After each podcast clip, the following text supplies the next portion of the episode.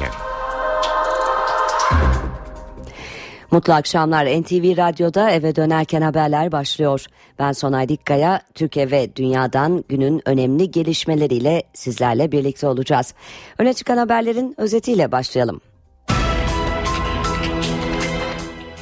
Devletin zirvesinde kritik bir görüşme gerçekleşecek. Cumhurbaşkanı Abdullah Gül ile Başbakan Recep Tayyip Erdoğan haftalık olağan görüşme kapsamında bir araya gelecek. İki isim Cumhurbaşkanlığı seçim sürecinde karşılıklı oturur konuşuruz açıklamalarının ardından ilk kez buluşuyor. 18.30'da başlayacak görüşmede Cumhurbaşkanlığı adaylığı konusu müzakere edilebilir. Yasa dışı dinlemelerle ilgili yürütülen soruşturmalara ilişkin İçişleri Bakanı Efkan Ala konuştu. Bakan yurt genelinde 180 soruşturma açıldığını, şu ana kadar 150 polisin görevden uzaklaştırıldığını söyledi.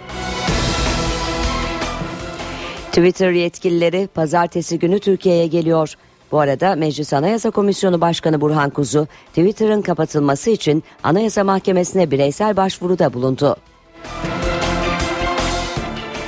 Sendikalar 1 Mayıs için karar aldı. DİSK, KESK, Türk Mühendis ve Mimar Odaları Birliği ile Türk Tabipleri Birliği işçi bayramında Taksim'de olacaklarını duyurdu. Kasap köftesi yasaklanıyor. Kasaplarda artık sucuk ve benzeri ürünlerin yanı sıra ambalajsız tavuk da satılamayacak. Tarım Bakanlığı kararı aldı ve yeni bir et taslağı hazırladı. Taslağın ayrıntıları az sonra eve dönerken de.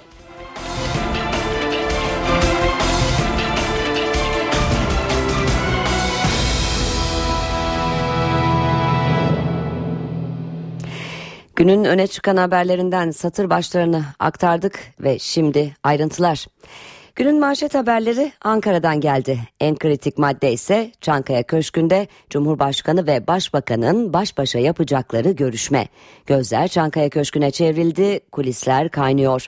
Zira Gül'ün artık Cumhurbaşkanlığı seçimini konuşmanın zamanı geldi sözleri ve Erdoğan'ın da karşılıklı oturur konuşuruz cevabının ardından Cumhurbaşkanı ve Başbakan ilk kez bir araya gelecek.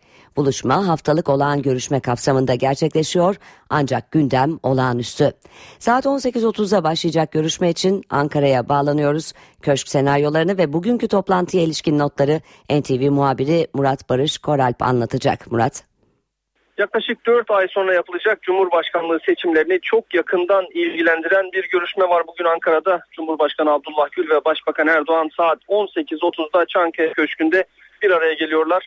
Aslında görüşme haftalık olağan görüşme ancak Cumhurbaşkanı'nın yaklaşık bir hafta önce yaptığı artık bu konuyu konuşmanın vakti geldi. Başbakanla oturup konuşacağız açıklaması da akıllarda. İşte o açıklamanın ardından Başbakan ve Cumhurbaşkanı ilk kez bir araya geliyorlar. Ve bu konunun müzakere edileceğinin en önemli kanıtı da Cumhurbaşkanı'nın bu sözleri. Ne Başbakan ne de Cumhurbaşkanı bugüne kadar adaylıkları konusunda bir imada bulundular. Ancak Başbakan Erdoğan'ın kurmaylarından yerel seçimlerin ardından peş peşe açıklamalar gelmişti. Son söz, son karar merakla bekleniyor. Başbakan Erdoğan ise hafta sonunda bazı medya temsilcileriyle bir araya gelmiş. Orada kafasındaki Cumhurbaşkanı adayını protokol Cumhurbaşkanı değil, terleyen, koşan, koşturan bir Cumhurbaşkanı olmalı sözleriyle tarif etmişti. Görüşme saat 18.30'da başlayacak. Bütün gözümüz kulağımızda Çankaya Köşkü'nde olacak. Murat Barış Koral, NTV Radyo Ankara. Başbakan Erdoğan'ın Cumhurbaşkanlığı seçimlerinde yurt dışında yaşayan ve oy kullanacak 2,5 milyon Türk vatandaşına önem verdiği ifade ediliyor. Başbakan seçim öncesi bu amaçla Avrupa gezisine çıkacak, Türklerin yoğun olarak yaşadığı merkezlerde miting düzenleyecek. İlk durak Almanya'nın Köln şehri olacak. Başbakan Erdoğan 24 Mayıs'ta Köln'e gidecek, 19 bin kişi kapasiteli Köln Arena spor salonunda Türk vatandaşlarına seslenecek. Başbakanın Avrupa merkezlerine gezilerinin süreceği belirtiliyor. AK Parti sözcüsü Hüseyin Çelik, CHP liderine yapılan saldırıyla ilgili bu tür saldırılarda cezaların artırılmasını istedi. Çelik, Cumhurbaşkanlığı seçimi içinse kimin Cumhurbaşkanı olacağına halk karar verir dedi. Çalma elin kapısında yüzük taşıyla çalarlar kapını balta başıyla. Bugün sana yarın bana biz hep birlikte pislikler karşısında set oluşturmak zorundayız. CHP lideri Kemal Kılıçdaroğlu'na yönelik saldırı AK Parti sözcüsü Hüseyin Çelik'in de gündemindeydi. Çelik, saldırgana denetimli serbestlik cezası verilmesi konusunda bir çağrıda bulundu. Özellikle siyasi amaçlı olarak kaos kargaşa yaratmak üzere yapılan bu tür saldırılarla ilgili mutlak surette caydırıcı olabilecek bazı cezai müeyyidelerin getirilmesi gerekiyor. Hüseyin Çelik Cumhurbaşkanlığı tartışmasına da değindi. MHP lideri Devlet Bahçeli'yi eleştirdi. Çok önemli iki şahsiyetin Cumhurbaşkanlığı seçimi üzerinde konuşmasını yadırgayan, bunu anormal gören Sayın Bahçeli tek başına başbakanın kesinlikle Cumhurbaşkanı olamayacağına karar veriyor. Sayın Bahçeli, Erdoğan muhtar da olamaz diyorlardı. İçişleri Bakanı Efkan Ala'da yasa dışı dinlemelerle ilgili yurt genelinde 180 soruşturma açıldığını, şu ana kadar 150 polisin görevden uzaklaştırıldığını açıkladı. Usulsüz dinleme ve MIT'e ait tırların durdurulmasına ilişkin soruşturmalar kapsamında ise 4 üst düzey emniyet görevlisiyle 7 muazzaf jandarma Ankara'da talimatla ifade verdi, biri tutuklandı. Nerede usulsüz yanlış dinleme olmuşsa orada soruşturma var. Şu ana kadar şu anda 180'e aşkın soruşturma devam ediyor. İçişleri Bakanı Efkan Ala, usulsüz dinlemelere yönelik emniyet teşkilatı içinde başlatılan soruşturmalarla ilgili ilk kez konuştu. İdari soruşturma yönünden de şu ana kadar e, 150'ye yakın e, görevli görevden uzaklaştırıldı. Soruşturmalar sonucunda elde edilen delillere göre işlemler yapılmaktadır. Bunun bazıları adli işlem oluyor, bazıları idari işlem oluyor. İdari soruşturmaların müfettişler kanalıyla yürütüldüğünü söyleyen İçişleri Bakanı, İstanbul ve Ankara'da da ifadesine başvurulan personel bulunduğunu belirtti. Soruşturmanın seyri bakımından bazen görevden uzaklaştırma, bazen tutuklama tedbirleri uygulanabilir. Ama e, soruşturma tamamlandıktan sonra, yargılama tamamlandıktan sonra karar verilir. Tabi bazılarına idari yaptırımlar oluyor. Meslekten çıkarma teklifleri yapılabiliyor. E, ya da çeşitli e, disiplin cezaları e, öngörülüyor, talep ediliyor. Öte yandan Adana'daki usulsüz dinleme soruşturmasında tutuklanan Emniyet Müdür Yardımcısı İsmail Bey ifadesinde kanunsuz hiçbir evraka imza atmadıklarını söyledi. Yasanın bana verdiği görevi yine yasal mahkeme kararlarına dayanarak yerine getirmeye çalıştım. Hakim ve savcıların dinlendiğini hatırlamıyorum dedi. Aynı soruşturmada İstihbarat Daire Başkanlığı'nda görevli iki müdürle iki amir Ankara Adliyesi'nde talimatla ifade verdi. Adana Cumhuriyet Başsavcılığınca yürütülen müteahhit tırların durdurulması ile ilgili soruşturmada ise 7 muvazzaf jandarmanın Ankara'da talimatla ifadesi alındı. Ankara'dan Adana'ya gönderilen iki subaydan Yüzbaşı Hakan G ise çıkarıldığı mahkemece tutuklandı. Ankara'daki seçim sonuçlarına yapılan itiraz Yüksek Seçim Kurulu tarafından reddedildi. Ancak CHP işin peşini bırakmıyor. CHP'nin Ankara adayı Mansur Yavaş seçimin iptal edilmesi talebini reddeden YSK üyelerini istifaya çağırdı. Siyasi baskı altında karar aldılar dedi. Yavaş bir hafta içerisinde Anayasa Mahkemesi'ne gideceklerini söyledi. Yüksek Seçim Kurulu maalesef bu seçimde sınıfta kalmıştır. Yüksek Seçim Kurulu'nu davet ediyorum. CHP Ankara Büyükşehir Belediye Başkan adayı Mansur Yavaş, YSK'yı bu sözlerle suçladı. Mühürsüz tutanaklar geçerli kabul edilmemeliydi. Geçersiz oylar yüzünden seçim iptal edilmeliydi dedi. Böyle bir seçime ne kadar güvenebiliriz? Ne oldu da bir gün içerisinde oy birliğiyle bu karar çıkıyor? Mansur Yavaş, YSK'nın kararı siyasi baskı altında aldığı görüşünde. Yüksek Seçim Kurulu'na AK Parti'de sanıyorum Genel Başkan Yardımcısı Süleyman Soylu olmak üzere birçok bakanın demeçleriyle baskı yaptığını düşünüyorum. Yavaş süreci Anayasa Mahkemesi'ne taşıyacak. CHP adayı hükümetin yüksek mahkemeye gidemez itirazlarına tepki gösterdi. Anayasa Mahkemesi'nin ne karar vereceğini siz nereden biliyorsunuz? Bir hafta içinde başvururuz. Geciktirmeyi düşünüyoruz. Yavaş Anayasa Mahkemesi Başkanı Haşim Kılıç'ın Ankara'nı Melih Gökçek'le görüşmesine de tepkili. Hakim bu şekilde açıklamalar yapıldıktan sonra önüne gelmesi muhtemel bir dava ile ilgili olarak davanın taraflarıyla görüşemez. Yavaş dosyası görüşülürken Anayasa Mahkemesi heyetine Haşim Kılıç'ın değil başkan vekilinin başkanlık etmesini isteyebilir. CHP seçimi AK Parti'nin önde tamamladığı Antalya'da da oyların yeniden sayılması için Yüksek Seçim Kurulu'na başvurdu. CHP'nin belediye başkan adayı olan Mustafa Akaydın oyların yeniden sayılması için 8 klasörle başvurduklarını reddedilirse Anayasa Mahkemesi ve Avrupa İnsan Hakları Mahkemesi'ne gideceklerini açıkladı. CHP lideri Kemal Kılıçdaroğlu'na yumruklu saldırının ardından meclisin güvenliği masaya yatırıldı.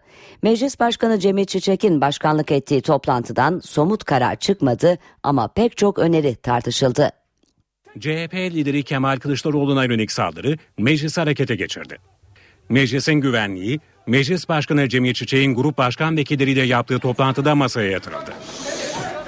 Burası müşterek bir çözüm arama e, platformuydu. Nihai bir karar yok. Güvenlik adı altında meclisi asla ve asla halka kapattırmayacağız. Toplantıdan somut bir karar çıkmadı. Partilerin önerileri tartışıldı. Milletvekili arkadaşlarımızın özellikle güvenlik kapılarından geçerken beraberinde gelen kişilerin kimliklerinin görevli memura sunmalarında yardımcı olmalarını istiyoruz. Salı günü yapılan grup toplantılarının ziyaretçisiz ya da sınırlı ziyaretçiyle yapılması, gün ve saatinin değiştirilmesi de öneriler arasındaydı. Partiler sadece ziyaretçi sayısının sınırlandırılmasına olumlu yaklaştı. Bu grup toplantılarının belli bir e, disiplin içerisinde yapılmasında yarar var tabii ki. Kulislerde ziyaretçi alınmaması, kabullerin e, milletvekillerinin e, odalarında yapılması gerektiğine ilişkin ilkesel bir tutum var. Bu salı toplantılarını en başta bir dizayn edeceğiz. Meclis Koruma Daire Başkanı Mustafa Şentürk de ilk kez konuştu. Grup toplantıları aynı gün olmasın dedi. Gruplar aynı gün ve peş peşe olması. Sadece bir orada koridorumuz var. Aynı koridorda açılan iki tane grup salonu var. Bir grup çıkarken diğer grubun ziyaretçileri de girmiş oluyor. Orada hakikaten güvenliği sağlamak çok kolay değil. Güvenlikle ilgili nihai karar 14 Nisan'daki toplantıda verilecek.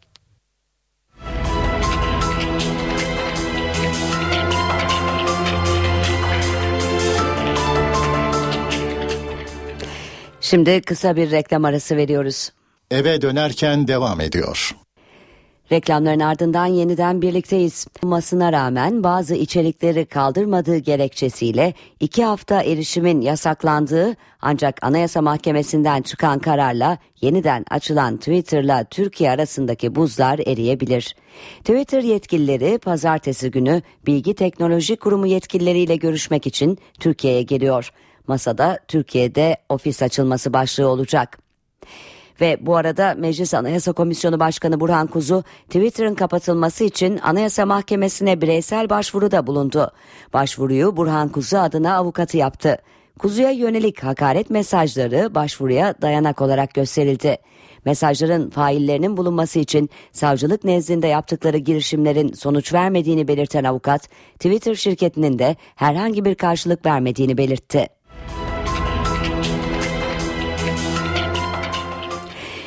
YouTube içinde Ankara'da iki mahkeme erişim yasağının kaldırılması kararı verdi. Ancak Bilgi Teknolojileri ve İletişim Kurumu kararı uygulamayacağını açıkladı. BTK gerekçe olarak Atatürk'e hakaret niteliği taşıyan videoların halen YouTube'dan kaldırılmamasını gösterdi. Gölbaşı Asya Ceza Mahkemesi YouTube'a yasağı kaldır sadece ilgili videolara erişime engelle dedi ama Bilgi Teknolojileri ve İletişim Kurumu erişim engellemesine devam edileceği açıklamasında bulundu. BTK Atatürk'e hakaret niteliği taşıyan videoların halen YouTube'dan kaldırılmamasını karara gerekçe olarak gösterdi. Gazi Mustafa Kemal Atatürk'e hakaret niteliğindeki içerikler nedeniyle YouTube'a uyarı mesajları gönderilmiş olup söz konusu içerikler çıkarılmadığı için 27.03.2014 tarihinden itibaren erişimin engellenmesi tedbiri uygulanmıştır. Söz konusu içeriklerin bir kısmı hala ilgili internet sitesinde yayınlanmaya devam ettiğinden erişimin engellenmesi tedbirine devam edilmektedir. BTK'nın açıklamasında yer verilen kanun maddesi belli suçlarda erişimin engellenmesi kararının başkanlık tarafından verilebileceğine hükme bağlıyor. YouTube 27 Mart'ta Dışişleri Bakanlığı'nda yapılan Suriye konulu gizli toplantı kayıtlarını yayınladığı gerekçesiyle Telekomünikasyon İletişim Başkanlığı tarafından erişime kapatılmıştı. Ulaştırma Bakanı Lütfü Elvan da YouTube'a erişim yasağının devam etmesiyle ilgili Konya'da konuştu. Elvan, Atatürk'e hakaret niteliği taşıyan videolar kaldırılırsa tip YouTube'u açacaktır dedi. 1 Mayıs'a 3 hafta kala Taksim Meydanı gündemde. İstanbul'da bir araya gelen DİSK, KESK, Türk Mühendis ve Mimar Odaları Birliği ile Türk Tabipleri Birliği 1 Mayıs'ı Taksim Meydanı'nda kutlama kararı aldıklarını duyurdu. DİSK Genel Merkezi'nde düzenlenen basın toplantısında sendikalar adına açıklamayı DİSK Genel Başkanı Kani Beko yaptı. Beko, dileriz 1 Mayıs günü geçmişte yaşanan 1 Mayıs'larda olduğu gibi sıkı yönetim ilan edilmez, işçiler özgür iradeleriyle dayanışma günlerini Taksim alanında yerine getirirler dedi. İstanbul Valiliği geçen yıl yayalaştırma projesi inşaatını gerekçe göstererek Taksim'de 1 Mayıs kutlamasına izin vermemişti. Valilik bu yıl içinse konuyu henüz görüşmediklerini bildirdi. Bu arada Türk İş 1 Mayıs'ı Kadıköy'de kutlayacağını duyurdu. İçişleri Bakanlığı müfettişlerinin Taksim Gezi Parkı olayları ile ilgili raporu basına sızdı. İçişleri müfettişlerine göre gezi olayları belediyenin projeyi açık olarak anlatmaması nedeniyle bir yanlış anlamayla başladı. Zabıtaların çadırları yakmasıyla da büyüyüp devlete karşı kalkışmaya dönüştü. Müfettişler bu kalkışmaya polisin müdahalesinin kanuna aykırı olmadığını iddia, iddia etti, soruşturmaya gerek olmadığını belirtti. İşte Gezi Parkı olaylarına ilişkin İçişleri Bakanlığı müfettişlerinin raporunun ayrıntıları. Gezi olayları yanlış anlama sonucu ortaya çıktı. Zabıtalar çadırları yakınca olaylar büyüdü. Bu tespit İçişleri Bakanlığı müfettişlerince hazırlanan Gezi Parkı olayları raporundan. Raporda olaylar toplumsal kalkışma olarak nitelendirildi. Bir yanlış anlama sonucu ortaya çıkan olayların zabıtaların eylemcilerin çadırlarını yakmasıyla büyüdüğü belirtildi.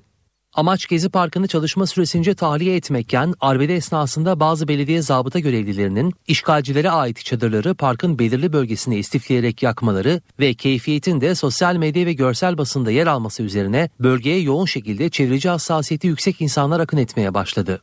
İdeolojik ve marjinal grupların bu durumdan yararlanarak sahne aldığı tespitine yer verilen raporda olayların polise ve siyasi otoriteye karşı gösteri ve eyleme ardından vandalizme dönüştüğü hatta Dolmabahçe'deki Başbakanlık ofisinin hedef alındığı dile getirildi. İçişleri Bakanlığı'nın raporunda polisin zorunlu olarak su ve gaz kullandığı fakat bunun da yetersiz kaldığı kaydedildi. İstanbul Valisi Hüseyin Avni Mutlu'nun olumlu mesajları ve toplantılarının tatminkar karşılık bulmaması üzerine müzakereyle sonuç alınamayacağının anlaşıldığı ve Taksim'e tekrar bir operasyon yapılması kararı alınarak uygulandığı ifade edildi. Raporda polisin olaylara müdahalesinde kanuna aykırı bir işlem bulunmadığı ifade edildi ve soruşturmaya gerek olmadığı vurgulandı. Ve iki yeni sıcak gelişmeyi aktaralım. Yargıtay, Bahriye Üçok, Muammer Aksoy, Uğur Mumcu ve Ahmet Taner Kışlan'ın öldürülmesi olaylarını da kapsayan Umut davasında 8 sanığa verilen hapis cezalarını onadı. Bir diğer gelişme ise spordan Profesyonel Futbol Disiplin Kurulu Fenerbahçe maçındaki kötü tezahüratlar nedeniyle Galatasaray'a bir maç seyircisiz oynama cezası verdi. İstanbul Adımköy'de bir çuval fabrikasında üretimi durdurarak yaklaşık iki aydır eylem yapan işçilere polis müdahale etti. Müdahale sabah erken saatlerde gerçekleşti. Çok sayıda işçi gözaltına alındı. Toplu iş sözleşmesinde anlaşma sağlanamaması üzerine eyleme başlayan işçiler geçen haftada Boğaziçi Köprüsü'nde eylem yapmıştı. Diyarbakır'da taşeron firmaya bağlı olarak çalışan elektrik işçileri haklarını alamadıkları gerekçesiyle iş bıraktı. Eylem nedeniyle Diyarbakır'da elektrik arızalarına müdahale edilemiyor. Elektrik işçileri eylemde. Diyarbakır'da elektrik dağıtım şirketi bünyesinde taşeron firmaya bağlı olarak çalışan 130 işçi haklarını alamadıkları gerekçesiyle iş bıraktı. Eski taşeronlarda kalan hakların geri verilmesi ve işçilerin tamamının kadroya alınmasına yönelik bir takım vaatler verildi. Fakat bunların hiçbir tanesi yapılmayarak eskiden beri devam eden taşeron sistemin aynısı devam ettirilmeye başlandı. Elektrik işçilerinin bir diğer sorunu iş güvenliği. Bizim e, birçok arkadaşımız çarpıldı. Şu anda bazıları ölümle pençeleşiyor. Bizim birçok iş güvenlik malzememiz eksiktir. Bir haftadır devam eden eylem nedeniyle kentte elektrik kesintilerine müdahale edilemiyor. Önemli arızaları birim yöneticileri çözmeye çalışıyor. Enerji sektöründe çalışanların sendikalar kanunu gereğince grev yapmasının yasak olduğunu belirten taşeron firma yetkilileri ise eylemle ilgili suç duyurusunda bulundu.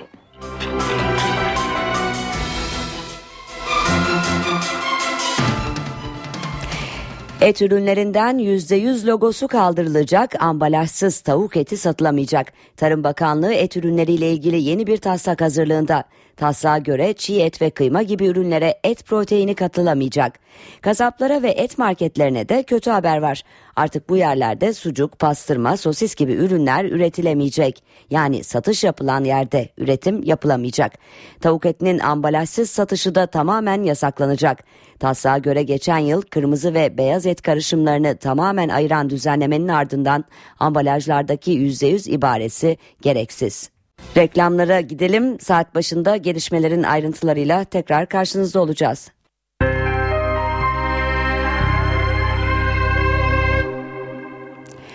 İstanbul'daki trafik durumuna bir göz atalım. Boğaziçi Köprüsü ve Fatih Sultan Mehmet Köprüsü'nde şu an itibariyle Avrupa'dan Anadolu'ya geçişlerde trafik yoğunluğu başlamış durumda. Boğaziçi Köprüsü'nde Çağlayan, Hürriyet Tepesi, Mecidiyeköy, Zincirlikuyu ve köprü üzeri dahil olmak üzere trafik oldukça yoğun. Fatih Sultan Mehmet Köprüsü'nde de trafik yoğunluğu Nurtepe'den başlıyor. Hastal, Seyrantepe ve Maslak oldukça yoğun. Fatih Sultan Mehmet Köprüsü'nün üzerinde de trafik yoğun gözüküyor ve Kavacık çıkışında da yine akıcı ama yoğun bir trafik söz konusu. Anadolu'dan Avrupa'ya geçişlere baktığımızda da Boğaziçi Köprüsü'nün Çamlıca Altunizade girişinde yoğunluk gözlenmemekte oldukça akıcı bir trafik var ancak köprü üzerinde hafif bir yoğunluk gözleniyor. Fatih Sultan Mehmet Köprüsü'nün Anadolu Avrupa geçişinde ise köprü girişi Kavacık oldukça yoğun ancak Ataşehir ve Ümraniye girişlerinde yoğunluk henüz başlamış durumda değil. Ve D100 Merter İncirli yönünde de bir trafik kazası meydana geldi 13 dakika önce. Bir şeridin trafiğe kapanmasına sebep oldu. Bu kaza trafiğe etkisi de orta derecede. İki telli köprüsünden Güneşli yönü yol bakım çalışması nedeniyle de yine burada trafiğe etkisi yüksek olan bir şeridin kapanmasına sebep olan bir bakım çalışması var.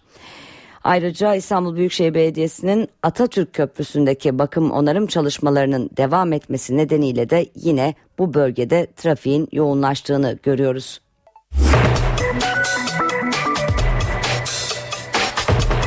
Burası NTV Radyo. Saat 18.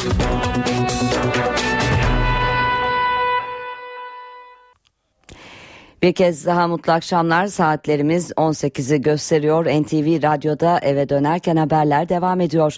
Günün öne çıkan haberlerinden satır başlarını hatırlatalım.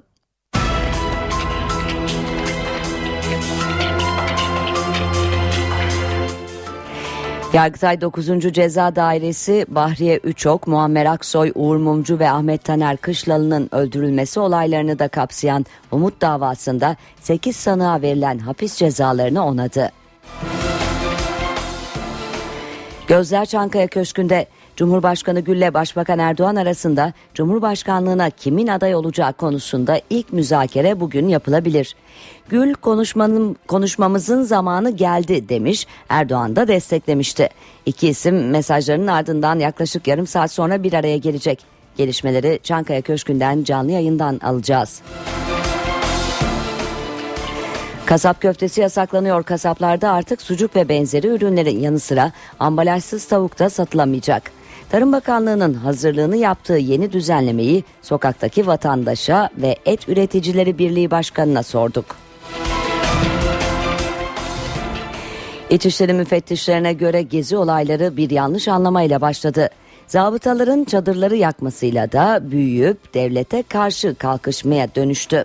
Müfettişler bu kalkışmaya polisin müdahalesinin kanuna aykırı olmadığını iddia etti soruşturmaya gerek, ol, gerek olmadığını belirtti. 1 Mayıs'a 3 hafta kala Taksim Meydanı gündemde. İstanbul'da bir araya gelen DİSK, KESK, Türk Mühendis ve Mimar Odaları Birliği ile Türk Tabipleri Birliği 1 Mayıs'ı Taksim Meydanı'nda kutlama kararı aldıklarını duyurdu.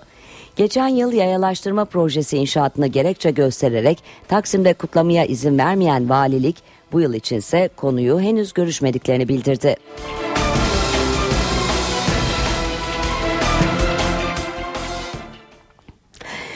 Yeni saate bir canlı bağlantıyla başlıyoruz. Başbakan Erdoğan yarım saat sonra köşke çıkacak ve Cumhurbaşkanı Abdullah Gül'le görüşecek. Bu görüşme iki ismin ajandasında önceden yer alıyordu. Yani sürpriz değil.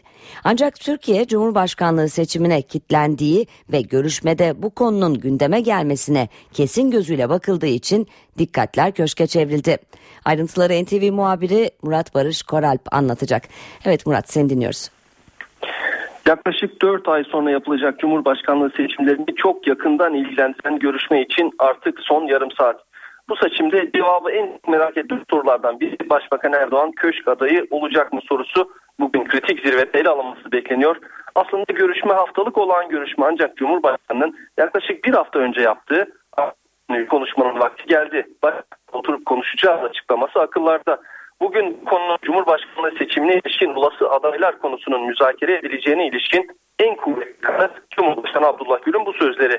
İşte o açıklamanın ardından Başbakan ve Cumhurbaşkanı ilk kez bir araya geliyor.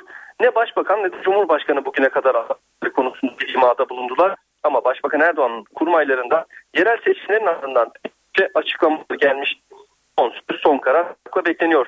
Başbakan Erdoğan hafta sonunda bazı medya temsilcileriyle bir araya gelmiş Orada kafasındaki Cumhurbaşkanı adayını şöyle tarif etmişti. Protokol Cumhurbaşkanı değil, terleyen, koşan, koşturan bir Cumhurbaşkanı olmalı sözleriyle tarif etmişti. Evet Murat Barış Koralp'ten bu görüşmeye ilişkin ayrıntıları almayı sürdüreceğiz. Yine Ankara'dayız. Sırada parlamento günlüğü var. MIT yasası Meclis Genel Kurulu'nda tartışmalar arasında görüşülüyor. Muhalefetin MIT'e geniş yetkiler tanıdığı gerekçesiyle karşı çıktığı düzenlemenin geneli üzerindeki görüşmeler tamamlandı. Maddelere geçildi. Bu kez ayrıntıları NTV muhabiri Miray Aktağ Uluç anlatacak. Miray seni dinliyoruz. Sonay Milli İstihbarat Teşkilatı'na yurt dışında operasyon yapma yetkisi veren kanun teklifi Meclis Genel Kurulu'nda dün görüşülmeye başlanmıştı ve geçtiğimiz dakikalarda geneli üzerindeki görüşmeler tamamlandı. Ee, birinci bölüme geçildi. Birinci bölümde yedi madde var. O yedi madde tamamlandıktan sonra ikinci bölüme geçilecek. Zira temel kanun olarak görüşülüyor bu teklif ikinci bölümdeki 8 maddenin görüşülmesinin ardından da bu düzenlemenin görüşmelerinin tamamlanması bekleniyor. Başbakan Yardımcısı Beşir Atalay düzenlemenin görüşmeleri sırasında Meclis Genel Kurulu'nda hazır bulunuyor. Muhalefetle zaman zaman gerginlikler de yaşanıyor. Başbakan Yardımcısı Beşir Atalay ile muhalefet arasında gerginlikler var. MİT kanun teklifinin Türkiye'yi bir istihbarat devletine dönüştüreceğini savunuyor muhalefet ve anayasaya aykırı olduğu görüşünde bu düzenlemenin MİT'e suç teşkil eden talimatlar verilmesinin önünün açıldığını savunuyor. Beşir Atalay ise bu konuda muhalefetin eleştirilerine yanıt verdi. Meclis Genel Kurulu'nda e, konusu suç teşkil eden bir talimatı hiç kimse veremez. Bu anayasal bir hükümdür. Kimse kimseye yasal olmayan bir talimat veremez dedi. Beşir Atalay teşkilatın yetkilerini yasası çerçevesinde sınırlı olacağının altını çizdi ve düzenleme ile ilgili verecekleri önergeleri hatırlattı. Bir kişi sürekli genel kurulda e, bununla ilgili ısrarlarını tekrarlıyor diyerek muhalefet milletvekillerini hedef aldı. E, bu arada Akif Hamza Çebi'nin de konuyla ilgili yaptığı bir itiraz vardı. Akif Hamza Çebi MİT mensuplarının AK Partili milletvekillerini kullanarak kendilerine bir yasa hazırladığı görüşünü ifade etti ve inandığınız her şeyin üzerine yemin edebilir misiniz? Bu düzenleme gerçekten AK Partili milletvekilleri mi hazırladı diye sordu. Beşir Atalay ise bu eleştirilere sert bir dille karşı çıktı. Düzenlemeyi kendilerinin hazırladıklarını, milletvekillerinin hazırladığını ve buna ilişkin gerekli değişiklikleri yapmak amacıyla önergeleri de e, bu nedenle hazırladıklarını ifade etti. E, önergeler e, var demiştik. Her türlü görev olmayacak. Daha önceden e, her türlü görevin MIT'in e, gidebileceği, yapabileceği ifade edilmişti ama e, bir değişiklikle teklifin birinci maddesinde yapılacak bir değişiklikle dış güvenlik, terörle mücadele ve milli güvenliğe ilişkin konularda Bakanlar Kurulunca verilen görev ifadesi getirildi. Her türlü görev olmayacak. MİT mensupları askeri belgeleri göremeyecek. Önceden bu farklıydı. Özel mahkemelerde yargılanmalarından vazgeçildi e, gibi düzenlemeler var. Bunlar önergelerle değiştirilecek. Düzenlemenin görüşmeleri devam ediyor. Bizler de meclisten bu gelişmeleri aktarmayı sürdüreceğiz.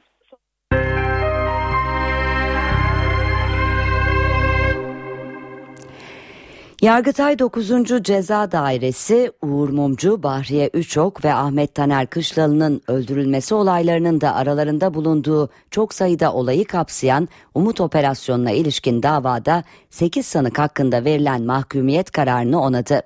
8 sanık 6 yılla 12,5 yıl arasında değişen cezalara çarptırılmıştı. Mahkeme kararı bulunmasına rağmen bazı içerikleri kaldırmadığı gerekçesiyle iki hafta erişimin yasaklandığı ancak Anayasa Mahkemesi'nden çıkan kararla yeniden açılan Twitter'la Türkiye arasındaki buzlar eriyebilir. Twitter yetkilileri pazartesi günü Bilgi Teknoloji Kurumu yetkilileriyle görüşmek için Türkiye'ye geliyor. Masada Türkiye'de ofis açılması başlığı olacak. Bu arada Meclis Anayasa Komisyonu Başkanı Burhan Kuzu da Twitter'ın kapatılması için Anayasa Mahkemesi'ne bireysel başvuruda bulundu. Başvuruyu Burhan Kuzu adına avukatı yaptı. Kuzu'ya yönelik hakaret mesajları başvuruya dayanak olarak gösterildi. Mesajların faillerinin bulunması için savcılık nezdinde yaptıkları girişimlerin sonuç vermediğini belirten avukat, Twitter şirketinin de herhangi bir karşılık vermediğini belirtti.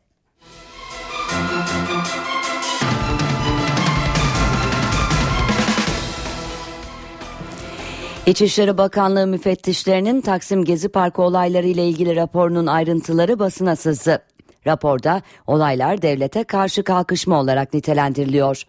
Vali Emniyet Müdürü ve emniyet görevlileri hakkında incelemeye gerek görülmediği bildiriliyor. Rapora göre sosyal medyada örgütlenen kitlelerin Gezi Parkı'na akın etmesiyle mukavemetin tahmin edilemeyecek bir noktaya ulaştığı, bu yüzden grupların bastırılabilmesi için yoğun gaz ve su kullanıldığı belirtildi. Raporda kitlenin büyüklüğü sebebiyle bazı gözaltı ve güç kullanımı işlemlerinin isabetli olmadığı da vurgulandı. Yaklaşan 1 Mayıs öncesinde sendikaların büyük çoğunluğu işçi bayramını Taksim'de kutlama kararı aldı. Buna göre DİSK, KESK, Türk Mühendis ve Mimar Odaları Birliği ve Türk Tabipleri Birliği Taksim Meydanı'na çıkacak. Sendikalar adına açıklamayı DİSK Başkanı Kani Beko yaptı. Beko, biz bu ülkenin değerlerini yaratanlar, işçiler, kamu emekçileri, hekimler, mimarlar, mühendisler 1 Mayıs'ta Taksim'de olacağımızı ilan etmek için burada izledi. 1 Mayıs Birlik Dayanışma mücadele gününü başta İstanbul, Taksim olmak üzere Türkiye'nin birçok alanlarında yan yana omuz omuza birlikte kutlama kararı aldık. Dileriz 1 Mayıs günü geçen de yaşanan 1 Mayıs'larda olduğu gibi İstanbul'da bir sıkı yönetim ilan edilmez. İstanbul'da işçiler de emekçiler de özgür iradeleriyle birlik dayanışma mücadele günlerini ekonomik, demokratik, siyasi, sosyal taleplerini Taksim alanında yerine getirirler diye düşünüyoruz.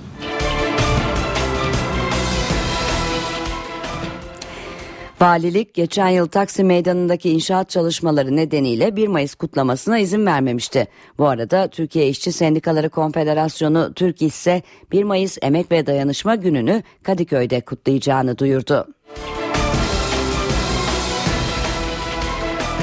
İstanbul Hadımköy'de bir çuval fabrikasında üretimi durdurarak yaklaşık iki aydır eylem yapan işçilere polis müdahale etti.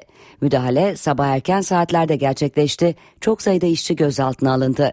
Toplu iş sözleşmesinde anlaşma sağlanamaması üzerine eyleme başlayan işçiler geçen haftada Boğaziçi Köprüsü'nde eylem yapmıştı.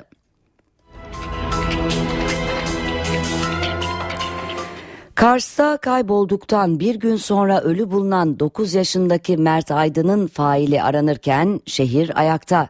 Soruşturmada derinleştirildi. Ankara'dan Kars'a giden 5 kişilik özel ekibe 2 de MOBESE uzmanı katıldı. Esnaf kepenk kapattı, olayı protesto eden kalabalık yürüdü. Kars'ta kaybolduktan sonra cesedi bulunan 9 yaşındaki Mert Aydın için protestolar sürüyor. Camide Mert için okutulan mevlitte toplanan kalabalık daha sonra çocuğun okuluna kadar yürüdü.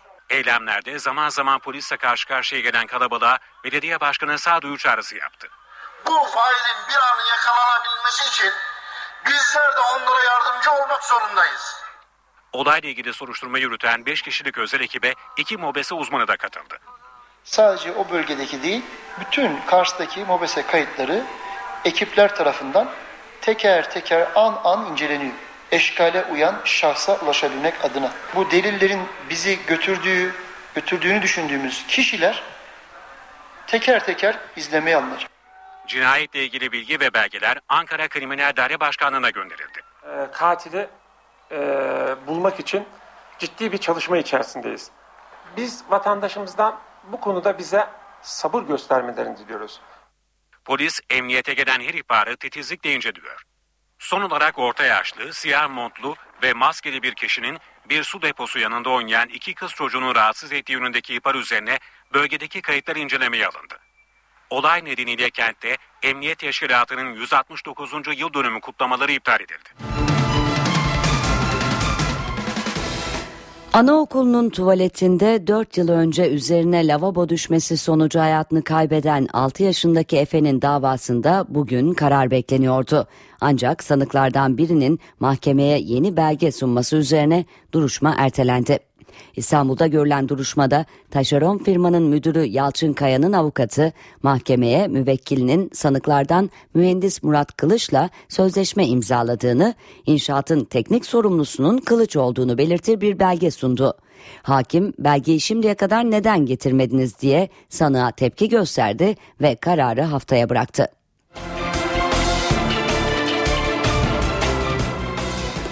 Asker almada e-devlet sistemine geçiliyor. Yükümlüler Mayıs celbinden itibaren askerlik şubelerine gitmeden E-Devlet Milli Savunma Bakanlığı hizmetleri bağlantısı üzerinden sevk belgelerini alabilecekler. Sevk belgesinde birlik adresi, sevk tarihi ve iaşa bedeli gibi bilgiler yer alacak. Yükümlüler bu belgeyle askerlik şubesine uğramadan birliğine katılabilecek. Şimdi kısa bir reklam arası veriyoruz ardından yeniden birlikte olacağız. Eve dönerken devam ediyor. Gelişmelerin ayrıntılarıyla yeniden birlikteyiz. Et ürünlerinden %100 logosu kaldırılacak. Ambalajsız tavuk eti satılamayacak. Tarım Bakanlığı et ürünleriyle ilgili yeni bir taslak hazırlığında. Taslağa göre çiğ et ve kıyma gibi ürünlere et proteini katılamayacak. Kasaplara ve et marketlerine de kötü haber var. Artık bu yerlerde sucuk, pastırma, sosis gibi ürünler üretilemeyecek. Yani satış yapan yerde üretim yapılamayacak. Tavuk etinin ambalajsız satışı da tamamen yasaklanacak. Taslağa göre geçen yıl kırmızı ve beyaz et karışımlarını tamamen ayıran düzenlemenin ardından ambalajlardaki %100 ibaresi gereksiz. Bakanlık reklam unsuru olarak kullanılması nedeniyle bu ibareleri tamamen kaldıracak.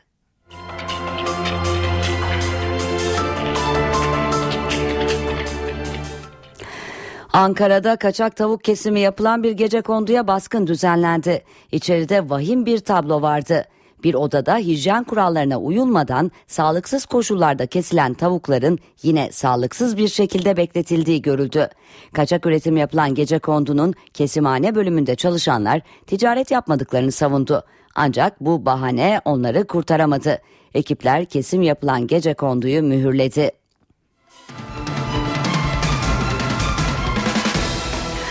Ani hava değişiklikleri ve don olayı özellikle kayısı ve fındığı vurdu. Fındık ağaçları şimdiden sonbaharı yaşıyor. Kayısıda ise bazı bölgelerde %100 kayıp oldu. Ve tabii bu durum fiyatlara da yansıdı. Kayısının fiyatı 3 misli arttı. Malatya'nın %99'u diyebiliriz yani hepsi etkilendi. Benim bahçemde bir tane tadımlı kayısı yoktur. Kayısıda don nedeniyle kayıp beklentisi %70'lerde.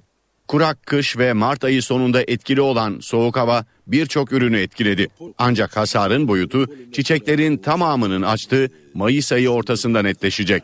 Olumsuz beklenti şimdiden tüketiciye yansıdı.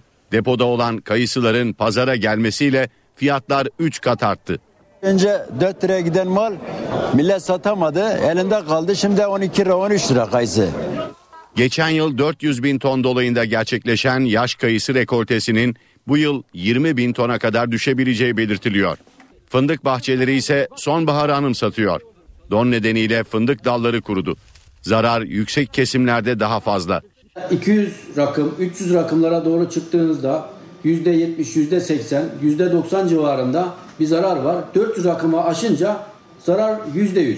Bu durum fiyatlara da yansıdı. Mart ayı ortasında kilosu 5 lira olan fındığın fiyatı 9 liraya çıktı. Antalya turizm sezonu hazırlıklarını tamamladı. Turizmciler Ağustos ayında yapılacak Cumhurbaşkanlığı seçiminin turizme olumsuz etkisi olmayacağı görüşünde. Antalyalı turizmciler 2014 sezonundan umutlu. 2013 yılı başarılı geçti.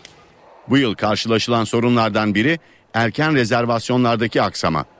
Şubat ayının ortasından itibaren bir dünyadaki yaşanan bir takım genel konjüktürel sıkıntılardan dolayı artı bizim ülkemizdeki seçimlerin de yaratmış olduğu bir takım etkiyle aslında erken rezervasyonların Şubat ortasından sonraki dönemde biraz yavaşlama oldu.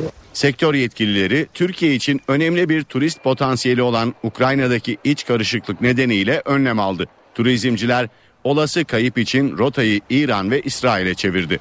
Ukrayna'dan da olumsuz yönde etkileneceğimizi biliyoruz ama bunu başka yerlerle telafi etmeye çalışacağız. Belki İran'daki yeni reformlar ve İran'ın dışarıya bakışı bize bir e, katkı sağlayabilir. İsrail ile olan ilişkilerimizde yeni bir dönem bekliyoruz. Turizmcilerin gündeminde Türkiye'deki gelişmeler de var. Yetkililer Ağustos ayındaki Cumhurbaşkanlığı seçimlerinin iç turizme etkisi olmayacağı görüşünde. Herkes tatilini buna göre organize edecek. Zannediyorum gidiş dönüşlerini e, yurt içi pazar profili de organize eder ve çok etkileyeceğini düşünmüyorum. Sektör temsilcileri alınan tedbirlerle 2014 yılındaki turist sayısında %10 artış bekliyor.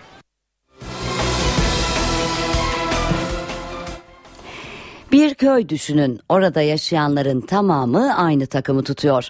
Üstelik köy Diyarbakır'da ve tutulan takım Trabzonspor. NTV ekibi o köye gitti. İşte izlenimler.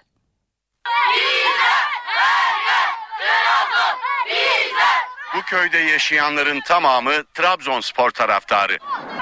Ancak tahminlerin aksine köy Trabzon'da değil Diyarbakır'da. Çınar ilçesine bağlı 120 haneli Bağcık köyü Trabzonspor sevgisiyle tanınıyor.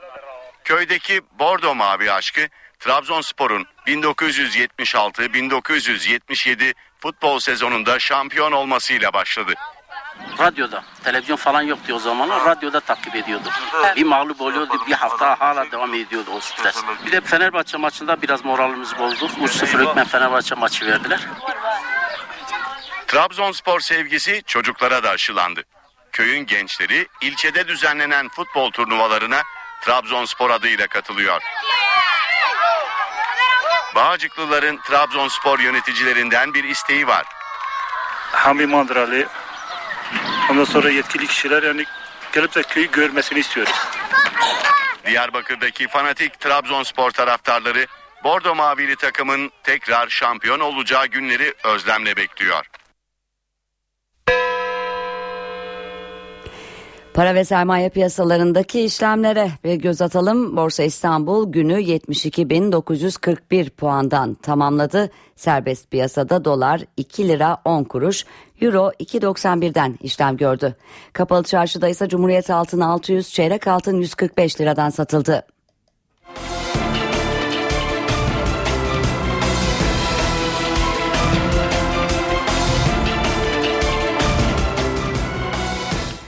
Maliye Bakanı Mehmet Şimşek Türkiye ekonomisini değerlendirdi. Şimşek istikrarın risk altında olmadığını söyledi. Enflasyonda yaşanan yükselişle ilgili de konuşan Şimşek hedefimiz %5 enflasyon dedi. Siyasi istikrarın kalıcı olduğunu belirten Bakan Şimşek genel görünüm iyiye gidiyor, cari açık daralıyor, riskler düşecek diye konuştu.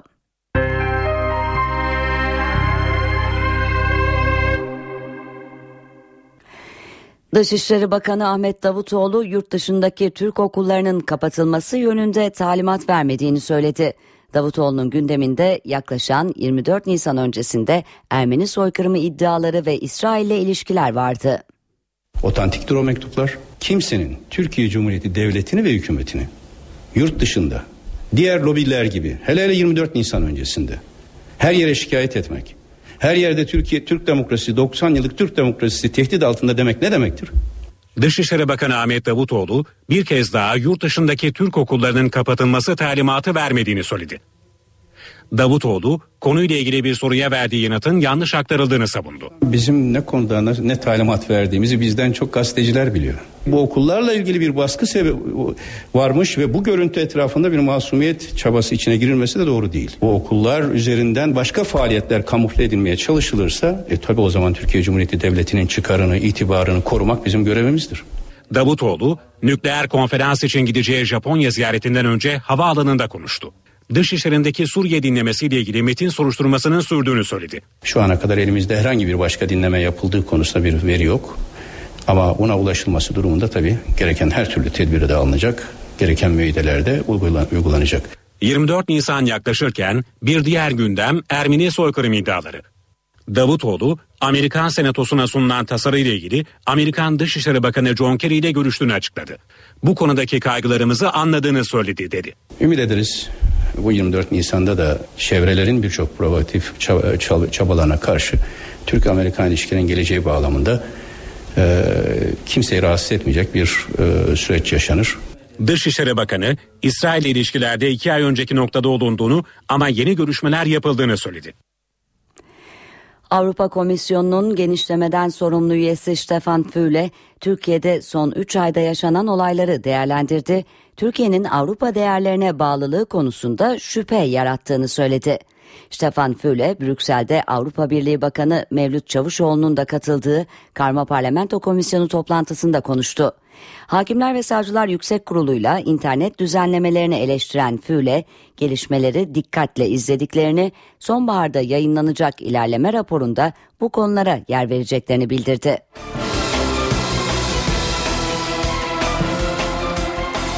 Saatlerimiz 18.30'u gösteriyor. Öne çıkan haberlerin satır başlarını hatırlayalım. Umut davasında temyiz süreci tamamlandı. Yargıtay 9. Ceza Dairesi Bahriye Üçok, Muammer Aksoy, Uğur Mumcu ve Ahmet Taner Kışlalı'nın öldürülmesi olaylarını da kapsayan Umut davasında 8 sanığa verilen hapis cezalarını onadı. Devletin zirvesi haftalık olağan görüşme için buluşuyor. Başbakan Erdoğan az sonra köşke çıkacak ve Cumhurbaşkanı Abdullah Gül'le görüşecek. İki ismin köşk adaylığı konusunu müzakere etmesi bekleniyor. Müfettişlerinin gezi olaylarına ilişkin hazırladığı raporun ayrıntıları basına sızdı. Raporda olayların bir yanlış anlamayla başladığı, zabıtaların çadırları yakmasıyla da büyüyüp devlete karşı kalkışmaya dönüştüğü ifade ediliyor. Batı ekonomik yaptırımların ardından diplomaside de Rusya'yı köşeye sıkıştırıyor. Avrupa Konseyi Parlamenterler Meclisi Kırım'ın ilhakı nedeniyle konseydeki Rus parlamenter, parlamenterlerin oy hakkını 2014 yıl sonuna kadar askıya aldı.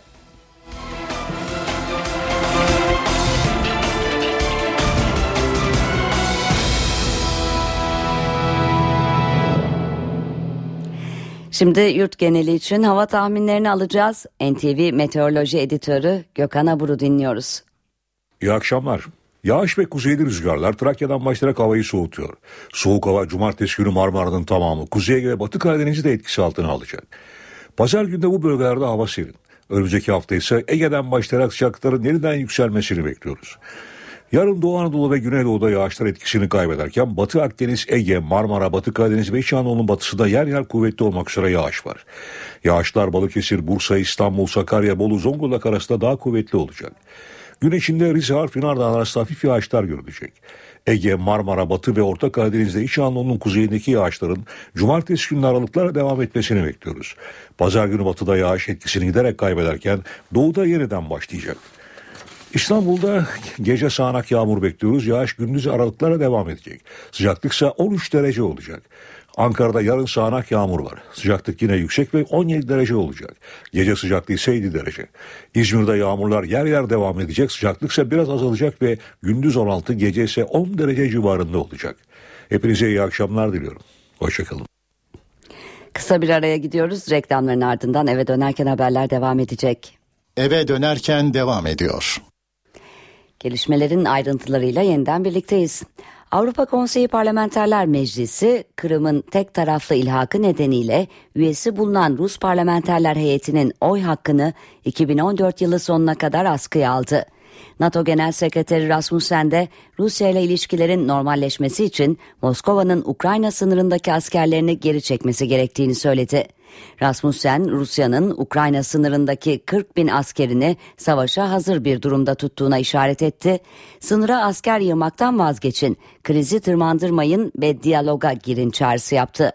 Rusya'nın Ukrayna'nın doğusunda etnik gerilimi tırmandırdığına da işaret eden NATO Genel Sekreteri, Rusya'nın girişeceği herhangi bir askeri harekatın ciddi sonuçları olacağını ve yeni ekonomik yaptırımlara yol açacağı uyarısında bulundu.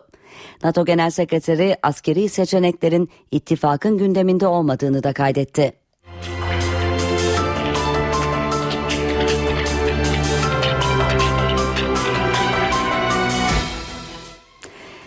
Avrupa Rusya'ya olan gaz bağımlılığını azaltabilmek için çalışmalar yaparken Güney Kıbrıs Rum yönetimi lideri Nikos Anastasiadis'ten kritik bir açıklama geldi. Anastasiadis Kıbrıs gazının Avrupa için önemli olduğuna dikkat çekti. Adanın doğal gazının Ukrayna krizi sonrası enerji kaynaklarını çeşitlendirmek isteyen Avrupa için Rusya'ya alternatif olabileceğini belirten Rum lider, adada önce karşılıklı güven inşa edilmeli dedi. Anastasiadis yeni başlayan müzakere sürecinde somut ilerleme görmek için henüz erken olduğunu da kaydetti. Kuzey Irak Bölgesel Kürt Yönetimi Başkanı Mesut Barzani, bağımsız Kürt devletinin kuruluşunun yaklaştığını vurguladı. Bir Arap televizyonuna demeç veren Barzani, Irak'taki mevcut durumun sürdürülemeyeceğini söyledi. Bana göre en iyi çözüm konfederasyon seçeneğine yönelmek. Böylece herkes hakkını bilir dedi. Barzani diğer milliyetlere saygı duymakla beraber Irak'ın Kürtler ve Araplar olmak üzere iki ana milliyetten oluştuğunu kaydetti. Irak şimdi bölünmüş durumda diyen Barzani, tüm ülkeyi kontrolü altında tutan merkezi bir hükümetin bulunmadığını ifade etti. Orta Doğu'da barış müzakereleri sıkıntıya girdi. İsrail, Filistin yönetimiyle görüşmeleri sınırlandırma kararı aldı. İsrail hükümet kaynakları, Başbakan Netanyahu'nun bakanlarından Filistin yönetimindeki mevkidaşlarıyla görüşmemelerini istediğini duyurdu. Filistin yönetimi Netanyahu'nun kararını eleştirerek bunun müzakereleri yeniden ivme canlandırma çabalarına darbe vurduğunu kaydetti. Amerika Birleşik Devletleri de İsrail'in kararını talihsizlik olarak niteledi. Dünyanın en kalabalık ülkesi Hindistan'da dünyanın en büyük seçimi sürüyor. 5 hafta sürecek oy verme süresinde bugün kritik gün. Zira seçimin kaderini etkileyebilecek eyaletlerde oy kullanılıyor. Seçimle ülkedeki iktidarın el değiştirmesi bekleniyor. Dünyanın en kalabalık demokratik ülkesi Hindistan'da seçim heyecanı yaşanıyor. 1 milyar 200 milyon nüfuslu ülkede 800 milyondan fazla seçmen sandık başına gidiyor. 5 hafta boyunca sürecek oy verme işleminin 3. ve en önemli aşamalarından birine sıra geldi. Halk başkent Yeni Delhi dahil olmak üzere seçimin kaderini belirleyecek 14 eyalette oy kullanıyor. Erken saatlerden itibaren oy verme merkezlerinde uzun kuyruklar oluştu. Bu sefer yolsuzluğa karşı oy kullanmalıyız. Erken gelip kalabalığa kalmak istemedik. Oy kullananlar arasında iktidardaki Kongre Partisi'nin lideri Sonia Gandhi de vardı. 9 aşamadan oluşan seçimlerde oy verme işlemi 12 Mayıs'ta sona erecek. Seçimin favorisi ekonomik canlanma sözü veren muhalefetteki Hindu milliyetçisi Bharatiya Janata Partisi. Ancak partinin tek başına iktidar olması zor görünüyor. Hindistan'da seçim sonuçlarının 16 Mayıs'ta netleşmesi bekleniyor. Fransa'da artık Bakanlar Kurulu toplantılarına cep telefonuyla girmek yasak. Cumhurbaşkanı François Hollande bakanların dikkatini toplayabilmek için böyle bir yönteme başvurdu. Fransız bakanlar artık her hafta düzenlenen Bakanlar Kurulu toplantısına cep telefonlarını ve tablet bilgisayarlarını dışarıda bırakarak girecek. Açıklamayı yapan hükümet sözcüsü François Hollande'ın yaptığımız işe odaklanmamız gerek dediğine dikkat çekti Yasağa Hollanda'nın uyup uymayacağı ise henüz bilinmiyor. Fransa Cumhurbaşkanı François Hollande kötü giden ekonomi nedeniyle halkın gözünde bozulan imajını düzeltmeye çalışıyor. François Hollande 1 Nisan'da başbakan dahil kabinedeki birçok bakanı görevden almıştı. 20. Kral Türkiye Müzik Ödülleri'nin 15 kategoride yarışacak adayları açıklandı. Şimdi sıra finalde. İnternetten 30 Nisan'a kadar oy kullanma sürecek. Kral Grubu Genel Yayın Koordinatörü Mehmet Akbay'la Kral Türkiye Müzik Ödülleri'ni ve 20. yıl dönümünü konuştuk. Son bir ayda, son iki ayda başarı gösterenlere ödül vermiyoruz. Bir yıl boyunca 2013 yılında başarılı olanları ödüllendiriyoruz. Adayları kral grubu olarak biz e, belirlemiyoruz. Adayları satış rakamları radyolarda çalınma oranları, e, jüri puanları ve halk puanları eşit oranda belirliyor. Umrumda değil, iyi ki bitti. Önceden ödül alacağım mı sorusu vardı. Şimdi aday olabilecek miyim sorusu var. E, bu bizim için çok değerli. Kalp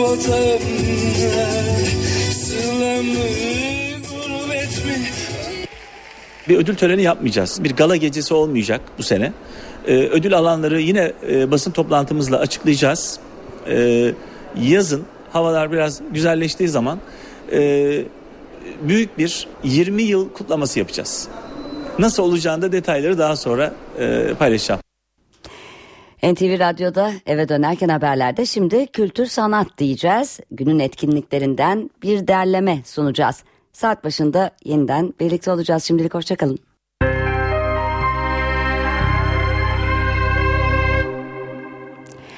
Eve dönerken devam ediyor. Saatlerimiz 19'u gösteriyor. Eve dönerken haberlerde günün öne çıkan başlıklarını aktaracağız. Devletin zirvesi haftalık olağan görüşme için buluştu. Başbakan Erdoğan az önce köşke çıktı ve Cumhurbaşkanı Abdullah Gül'le görüşüyor. İki ismin köşk adaylığı konusunu müzakere etmesi bekleniyor. Umut davasında temyiz süreci tamamlandı. Yargıtay 9. Ceza Dairesi Bahriye Üçok, Muammer Aksoy, Uğur Mumcu ve Ahmet Taner Kışlalı'nın öldürülmesi olaylarını da kapsayan Umut davasında 8 sanığa verilen hapis cezalarını onadı. Yasa dışı dinlemelerle ilgili yürütülen soruşturmalara ilişkin İçişleri Bakanı Efkan Ala konuştu. Bakan yurt genelinde 180 soruşturma açıldığını, şu ana kadar 150 polisin görevden uzaklaştırıldığını söyledi. İçişleri müfettişlerinin gezi olaylarına ilişkin hazırladığı raporun ayrıntıları basına sızdı. Raporda olayların bir yanlış anlamayla başladığı, zabıtaların çadırları yakmasıyla da büyüyüp devlete karşı kalkışmaya dönüştüğü ifade ediliyor. Yaklaşan 1 Mayıs öncesinde sendikaların büyük çoğunluğu işçi bayramını Taksim'de kutlama kararı aldı. Buna göre DİSK, KESK, Türk Mühendis ve Mimar Odaları Birliği ve Türk Tabipleri Birliği Taksim Meydanı'na çıkacak. BDP Grup Başkan Vekili Pervin Buldan, Kandil'in çözüm süreci kapsamında yasal düzenleme talep ettiğini ve somut pratik adımlar beklediğini söyledi. Buldan, Kandil'den Öcalan'a yazılan 5 sayfalık mektubu yarın Adalet Bakanı'na vereceklerini belirtti. Ve İstanbul'daki trafik yoğunluğuna bir kez daha göz atalım. İstanbul'da şu saat itibariyle trafik oldukça yoğunlaşmış gözüküyor. Avrupa yakasından Anadolu yakasına geçişte Boğaziçi Köprüsü'nde trafik yoğunluğu artmış durumda. Çağlayan, Hürriyet Tepesi, Mecidiyeköy, Zincirlikuyu, köprü üzeri ve Anadolu yakasına geçişte Altunizade çıkışı dahil olmak üzere trafik sıkışıklığı artmış durumda. Ve Fatih Sultan Mehmet Köprüsü'ne bakalım. Nurtepe, Hastal, Seyrantepe, Maslak ve köprü üzeri Avrupa'dan Anadolu'ya geçişte oldukça yoğun görünüyor şu saat itibariyle ve Anadolu'dan Avrupa'ya geçişlerde köprülere baktığımızda da Çamlıca, Altunizade girişi ve Boğaz Köprüsü'nün üzeri oldukça yoğun. Fatih Sultan Mehmet Köprüsü'nde ise henüz Ataşehir ve Ümraniye'de yoğunluk yok ancak Kavacık Fatih Sultan Mehmet Köprüsü'nün girişi oldukça yoğun. Köprü üzerinde Avrupa'ya geçişte akıcı bir trafik gözlenmekte. Ayrıca iki telli köprüsüyle Güneşli yönünde de yol bakım çalışması var. Burada bir şerit trafiğe kapalı. Bu yüzden o yönde de trafik oldukça yoğun. İstanbul Büyükşehir Belediyesi'nin Atatürk Köprüsü'ndeki bakım onarım çalışmalarının devam etmesi yüzünden de yine İstanbul'daki trafik yoğunluğu etkilenmekte. İstanbul Büyükşehir Belediyesi Trafik Kontrol Merkezi'nde de yine bir takım bilgilendirmeler olduğu haberi geliyor ve İstanbul'da ara yollarda dahil olmak üzere şu saat itibariyle trafik yoğunlaşmış durumda. Eve dönerken haberleri burada noktalıyoruz. NTV Radyo'nun yayını kısa bir aranın ardından Cem Dizdar ve Gürcan Bilgiç'in yorumculuğunu yaptığı Çift Forvet programıyla devam edecek. Hoşçakalın, tekrar mutlu akşamlar diliyoruz.